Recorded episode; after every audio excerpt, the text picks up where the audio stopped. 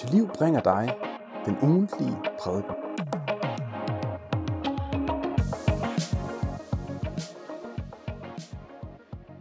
I den her bibeltime, der skal vi se på Guds ledelse. Det er, at Gud han leder os gennem livet. Og øh, store del af bibeltimen tager udgangspunkt i en bog, jeg har skrevet, der hedder Hvad ved du med mit liv, Gud? Og øh, meget af det, jeg siger nu, det kan ligesom også findes i den her bog. Men når det drejer sig om Guds ledelse, så er det jo noget af det, der kan fylde meget, måske særligt, mens man er ung, men også sådan i resten af livet. Hvordan ved jeg, hvad jeg skal? Hvordan ved jeg, hvad for et job jeg skal tage? Hvordan ved jeg, hvem jeg skal giftes med? Og så videre, og så videre. Og som kristen er det så nærliggende at spørge, hvad vil du med mit liv, Gud? Det er jo ikke bare det, jeg vil, der er vigtigt, men, men hvad vil du med mit liv, Gud, og hvordan viser du mig så, hvad jeg skal undervejs i min tilværelse? Det er noget af det, vi skal se på, og det bliver øh, primært en undervisningsteam, og vi kommer til at skulle igennem tre gange af tre spørgsmål. Og det første, det er tre ting, du skal kende til for at forstå, hvordan Gud leder. Derefter så er det tre ting, du skal gøre for at lære Guds vilje at kende. Og så til allersidst, så ser vi på tre ting, der ofte fylder rigtig meget. Så det bliver sådan den her progression i øh, bibeltimen. For at starte med de tre første punkter, der er tre ting, du skal kende til om Guds vilje. Og der er fundet et, øh, et citat af en amerikansk teolog og præst, der hedder Kevin DeYoung, som øh, lyder sådan her.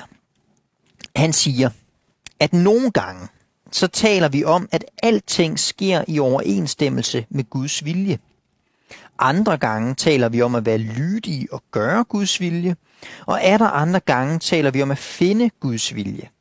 Forvirringen skyldes, at vi bruger udtrykket Guds vilje på mindst tre forskellige måder, eksemplificeret i de tre foregående sætninger. De tre ting, du skal kende til for at forstå talen om Guds vilje og ledelse, det er de tre ting, Kevin DeYoung han peger på her. At alting sker efter Guds vilje, at gøre Guds vilje og at finde Guds vilje. Det er de tre måder at tale om Guds vilje på, som vi finder i Bibelen. Og det er dem, vi nu vil kigge lidt på, for de har rigtig stor betydning for, hvordan vi skal forstå særligt det sidste, nemlig med at finde Guds vilje, hvordan Gud leder. Det første, at alting sker efter Guds vilje, det har jeg valgt at kalde for Guds suveræne vilje. Det er, at Gud styrer alting. Det næste, det er det, vi kunne kalde Guds etiske vilje. Gud han har en intention om, hvordan vi skal leve vores liv over for andre mennesker. Og så til allersidst, så har vi det, vi kunne kalde Guds vejledende vilje. Hvordan han så helt konkret leder os i tilværelsen og, og viser os, hvordan vi skal vælge forskelligt. Det er det, vi skal kigge på nu. Guds suveræne vilje er det, vi starter med. Når vi taler om Guds suveræne vilje, så handler det om Guds magt, Guds styring af verden. At han er den, der kontrollerer alt. Alting er i hans hånd. Vi ser det for eksempel i salme 139, vers 13 til 16. Der skriver salmisten, at det var dig, der dannede mine nyrer. Du flettede mig sammen i min mors liv. Jeg takker dig, fordi jeg er underfuldt skabt. Underfulde er dine gerninger. Jeg ved det fuldt ud. Mine knogler var ikke skjult for dig, da jeg blev formet i det skjulte, blev vævet i jordens dyb. Da jeg endnu var foster, havde du mig for øje. Alle dagene stod skrevet i din bog. De var formet, før en eneste af dem var kommet. Det er det, vi forstår ved Guds suveræne vilje. At Gud han er den, der former dit liv. Det er ham, der sætter rammen. Det er ham, der styrer dit liv ned i detaljen. Det betyder ikke, at du ikke selv har en vilje. Det betyder ikke, at du ikke selv kan handle. Men det betyder, at Gud samtidig med, at du handler, så er Gud med i det alt sammen og styrer alt i livet. Det er noget af det, som vi ikke lige kan udfolde nu her igennem hele Bibelen, men, men jeg vil bare komme med et enkelt eksempel, udover her fra salme 139, nemlig på, hvordan vi ofte synger det her. En af de øh, meget kendte salmedigtere, som vi i hvert fald har sunget i min kirkelige tradition, det er Lina Sandel.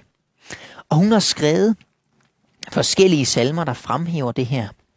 For eksempel synger vi med hende. Alle dage han mig leder, kraft og råd han kalder sig. Lige vældig er hans nåde, hvad der så end møder mig. Alle dage han mig giver, hvad mig bedst og nyttigst er. Trøster, tugter, lindrer smerter, og mig trofast bærer her. Og så det aller sidste vers, det er faktisk fra en børnesang. Om han tager, om han giver, samme fader han dog bliver, og hans mål er kun det ene, barnets sande vel at tjene. Det der er tonen hos Sandel, og som stemmer overens med Bibelen, det er, du kan være tryg. Du kan være tryg, fordi Gud han er den, der har kontrollen. Det er Gud, der styrer dit liv. Han har kontrol over det. Og derfor så skal du ikke frygte noget. Du skal ikke frygte fremtiden. Du skal ikke frygte døden. Du skal ikke frygte satan. Du skal ikke engang frygte dine egne beslutninger. For det er også i Guds hånd. Det er det den befriende virkelighed i at tale om Guds suveræne vilje, Guds forsyn. Og så er der spørgsmålet om lidelsens problem. Hvorfor er det så, hvis Gud er i kontrol, hvis han virkelig er den, der styrer alt, styrer mit liv også? Hvorfor er det så, at man kan støde ind i en lidelse, i modgang? Hvordan forenes det med Guds kærlighed og godhed? Der står en lille bitte smule om det i min bog, men ikke ret meget. Og derfor så vil jeg i stedet for opfordre til at stille nogle spørgsmål om det, eller opsøge nogle klogere mennesker og, og tale om, om det her. Og hvis det fylder meget for dig sådan personligt, så, øh, så er det oplagt at tale med nogen om det. Og så vil jeg også anbefale en enkelt bog. Leif Andersen, han har skrevet en bog, der hedder Gud, hvorfor sover du? Den kan også anbefales i forhold til det her emne.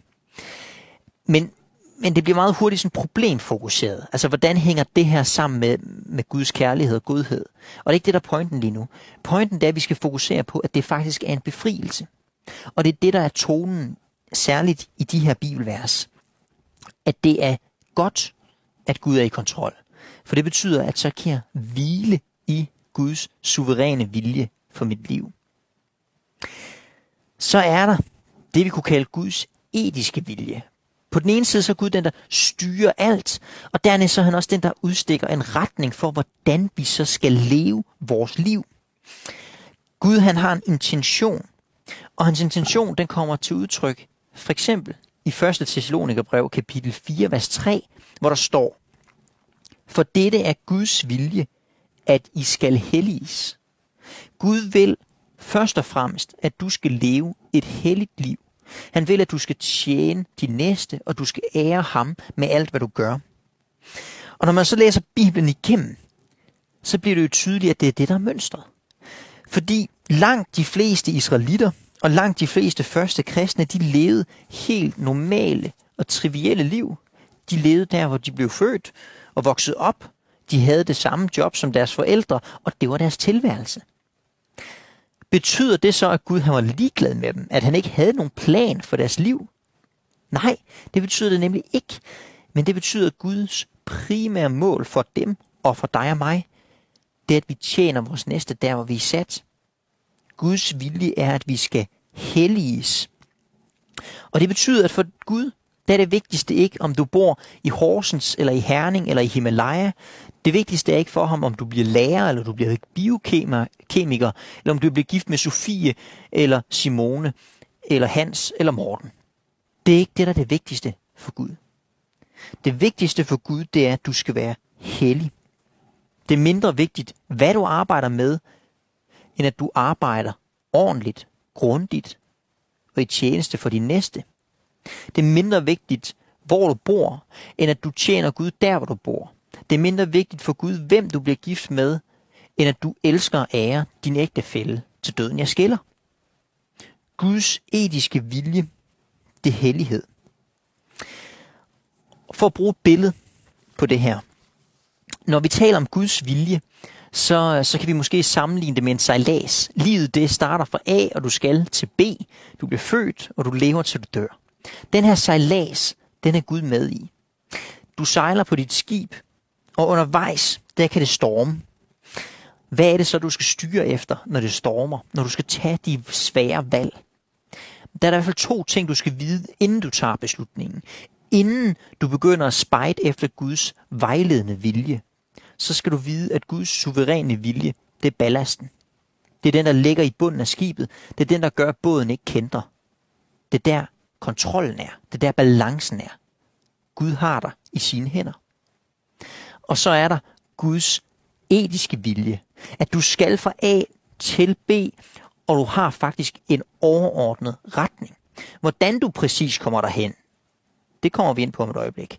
Men der er et mål, nemlig hellighed. Og Guds etiske vilje, det er ikke først og fremmest, øh, hvor, hvem du skal begiftes med, og hvad du skal arbejde med osv., men det er, hvordan det skal foregå. Vi kan sige, at det er retning. Guds suveræne vilje er ballasten, og Guds etiske vilje, det er retning. Når du styr på de to ting, så kan vi begynde at tale om Guds vejledende vilje. Og det er den tredje ting. Gud har nemlig en mening om, hvad du skal bruge dit liv på, hvilke valg du skal træffe. Det er ikke noget, Gud bare fuldstændig afsondret for vores liv ikke har nogen mening om. Gud er enormt interesseret i, hvordan du lever. Og Gud vejleder dig også helt konkret i livet. Og det er det, vi skal se på nu. Men han gør det formentlig anderledes, end mange af os kunne forestille os. Fordi jeg kan i hvert fald godt have en idé om, at nu står jeg på det her stormfyldte hav, og jeg har i min båd. Det, jeg har brug for, det er en GPS. Det er en GPS, der fortæller mig præcis, hvor jeg skal sejle hen, og hvornår jeg skal gøre det, og hvordan jeg skal gøre det. Og så forestiller vi os nogle gange, at måske er det det, der menes, når vi taler om Guds vejledende vilje. Men Guds vejledende vilje er bedre at sammenligne med et kompas. Det er bedre at sammenligne med et kompas end med en GPS. Og det bringer mig frem til de tre næste punkter. Der er nemlig tre bibelske perspektiver på, hvordan Gud vejleder. Og det grundlæggende, der er at sige, det er, at Gud han vejleder gennem visdom. Det er den grundlæggende måde, Gud vejleder på. Vi kan måske nogle gange få en eller anden forestilling om, at, at Gud han har valgt et job og en ægtefælle og en menighed og et sted, jeg skal bo på forhånd. Og så sidder han oppe i himlen, og så kigger han ned, og så skal jeg gætte. Så skal Lars, eller du, gætte, hvad det næste skridt er. Og hvis vi så vælger forkert, så betyder det, at vi træder uden for Guds vilje med vores liv, og så går det jo galt. Sådan kan forestillingen i hvert fald godt blive. Og det, der er min pointe nu, det er, sådan er Guds vejledende vilje ikke. Men hele det bibelske mønster, det er, at Gud vejleder primært gennem visdom. Han kan gribe ind og sige direkte, hvad du skal gøre. Selvfølgelig kan Gud det. Det kan Gud altid gøre. Og jeg kender mennesker, der er blevet missionærer på den baggrund, og som har taget nogle vilde beslutninger på den baggrund. Men det er Guds kald. Det er noget, Gud beslutter, hvornår han skal gøre. Og så skal vi tage imod det med tak, når det sker. Men Gud han har også en primær måde at gøre det på, en hverdagsmåde. Og det er den, vi skal forvente. Det er den, vi skal arbejde med. Og når så sker noget overnaturligt, eller Gud siger noget direkte, så tager vi imod det. Men det er ikke det, der er udgangspunktet. Udgangspunktet, det er visdom. Der står øh, forskellige ting om visdom i Bibelen. Men jeg vil starte med lige at, at prøve at udfolde, hvad, hvad mener vi med visdom? Visdom, det er jo ikke det samme som, at du bliver klog. Men visdom, det kan måske sammenlignes med din intuition. At du har en fornemmelse for, hvad der er det rigtige at gøre. Et vist menneske, det er en, der har overskud til ligesom at hæve blikket og vide, hvad der er det rigtige. Og visdom, det trænes gennem et langt liv. For at komme med et, et eksempel, der måske øh, rammer plet eller rammer lidt ved siden af, det afhænger af, hvem man er.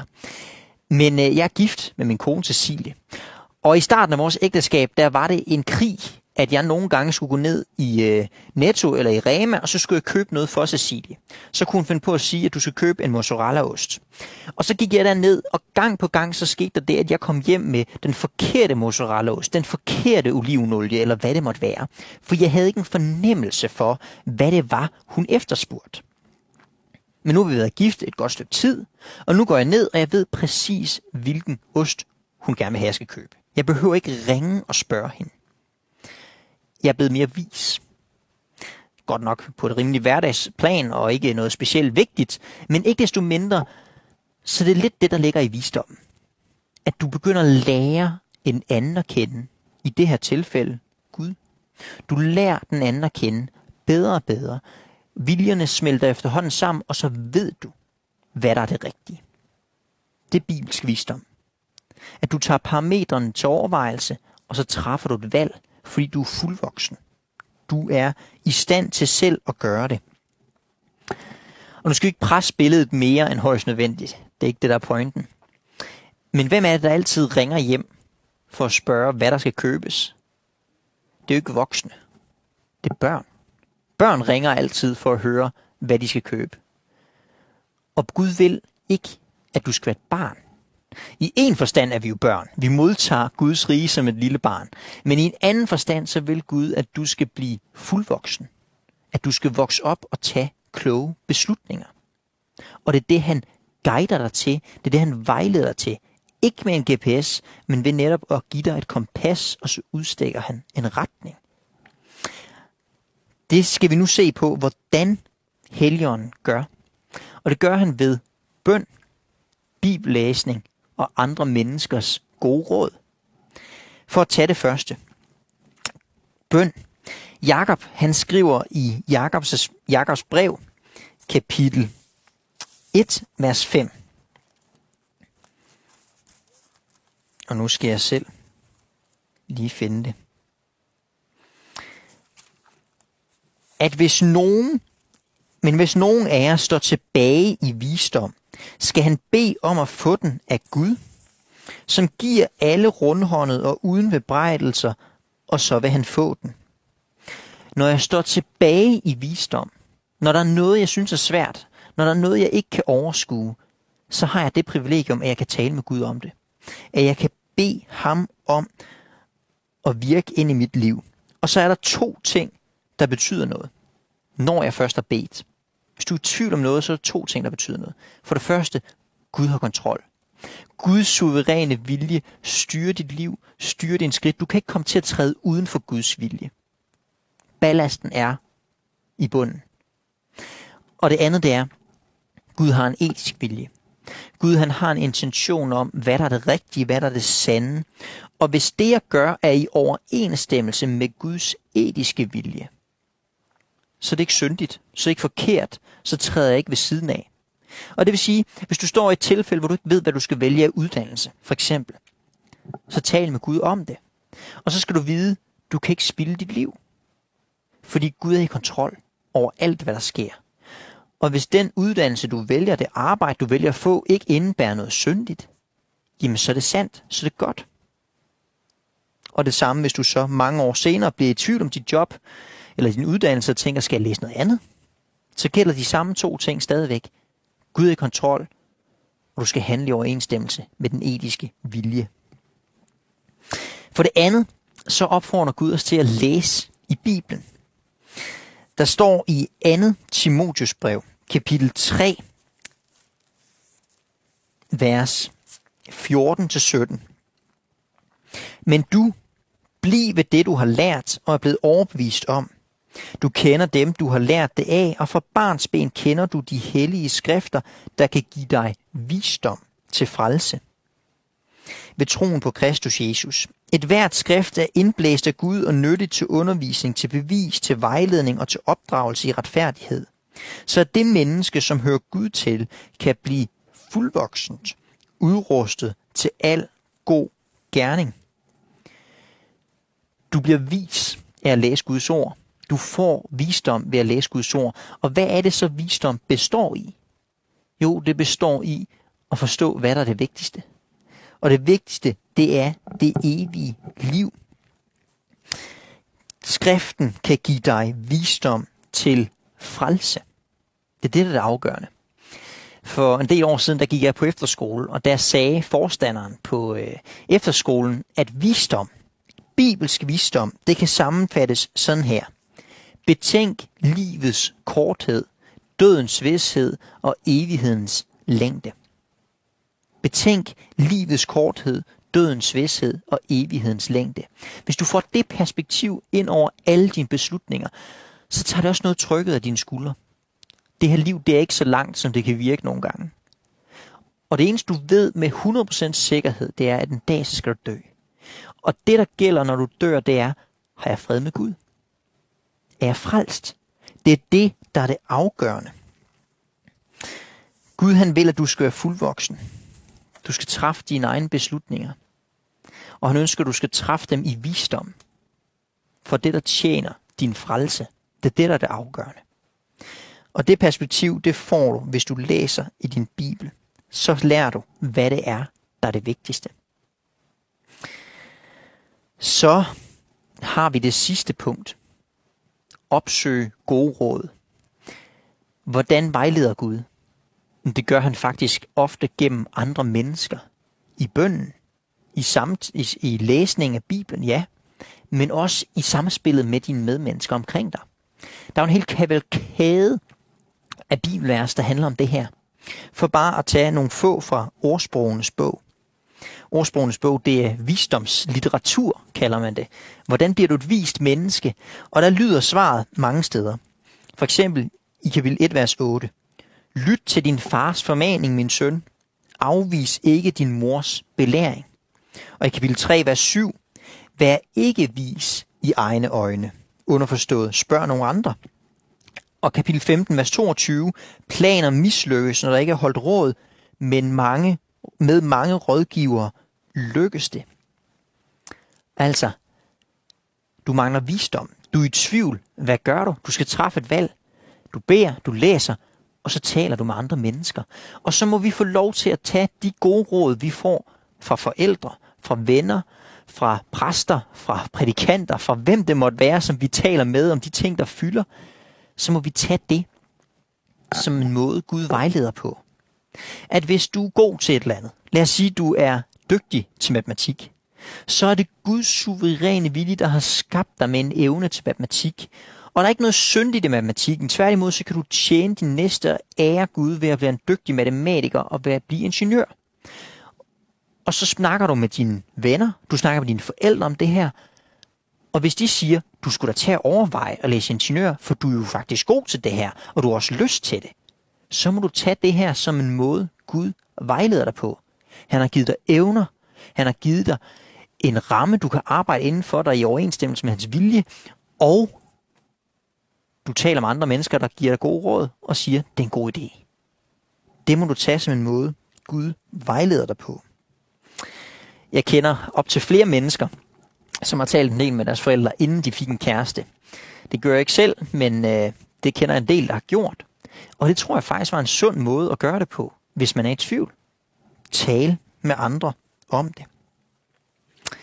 Det her, det var sådan det basale, det læremæssige.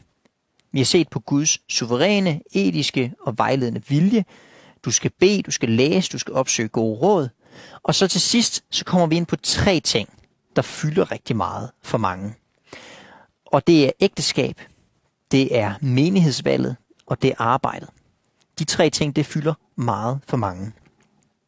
Når det drejer sig om ægteskabet, hvem skal jeg giftes med, hvordan skal det her gå til, og så videre, så tror jeg, det er vigtigt at gøre sig klart, hvad rammen er for det bibelske ægteskab. Hvad er ideen med romantikken? Og det vil jeg gerne understrege, at Bibelen lægger vægt på, at kærlighed, det er ikke bare følelser. Det er også følelser. Det er også alt det stærke, som man kan føle vel op i en. Men kærlighed, det er meget mere end det. Kærlighed, det er et valg. Kærlighed, det indebærer livslang troskab. Kærlighed, det er mere vasketøj over 70-årigt langt liv, end det er romantiske biografture i midten af 20'erne eller starten af 20'erne. Og det er sådan set godt nok. Men det tror jeg er vigtigt at overveje, fordi vi får skrevet ind i os, i vores kultur, at kærlighed det er følelser, og det skal ligesom komme indenfra. Jeg skal bare se vedkommende og så tænke, det er hende og mig. Eller ham og mig. Og det tror jeg ikke er en særlig god måde altid. Mange gange er det sådan, det starter. Det er ikke sådan, det kan blive ved. Det er helt sikkert. Mange gange starter det sådan, men hvad hvis det ikke starter sådan? Så tror jeg, det er vigtigt at sige sig selv, det behøver ikke starte sådan. Kærlighed behøver ikke være den her følelse. Og det tror jeg er godt at gøre sig klart, at der er ikke nogen eneste ene. Det er en myte. Mange mennesker kan blive din ægtefælle, og det handler om at tale med hinanden, spørge sig selv, fungerer vi godt sammen? Er det en god idé? Synes mine venner også, det er en god idé? Og så videre. Og så tror jeg, det er godt at overveje, hvad er det bibelske ideal for mig som ægtefælle? Du skal læse meget i din bibel for at forstå det. Du skal bede meget til Gud. Men, som jeg har hørt det formuleret, bed mindre til Gud om, at han må vise dig, hvem der er den rigtige ægte mand eller hustru, og bed mere om, at du må være den rette ægte mand eller hustru. Da jeg øh, begyndte at komme sammen med min hustru, som øh, jo kun var min kæreste på det tidspunkt, der var jeg faktisk meget i tvivl, og det var hun også. Og så talte jeg med en af mine gode venner om det her, og han sagde, der er fire ting, du skal tænke på, Lars. Du skal finde en, for det første, der elsker Jesus. Så skal du finde en, der respekterer hele Bibelen som Guds ord. Og så skal du finde en, der ønsker at leve i et bibelsk ægteskab.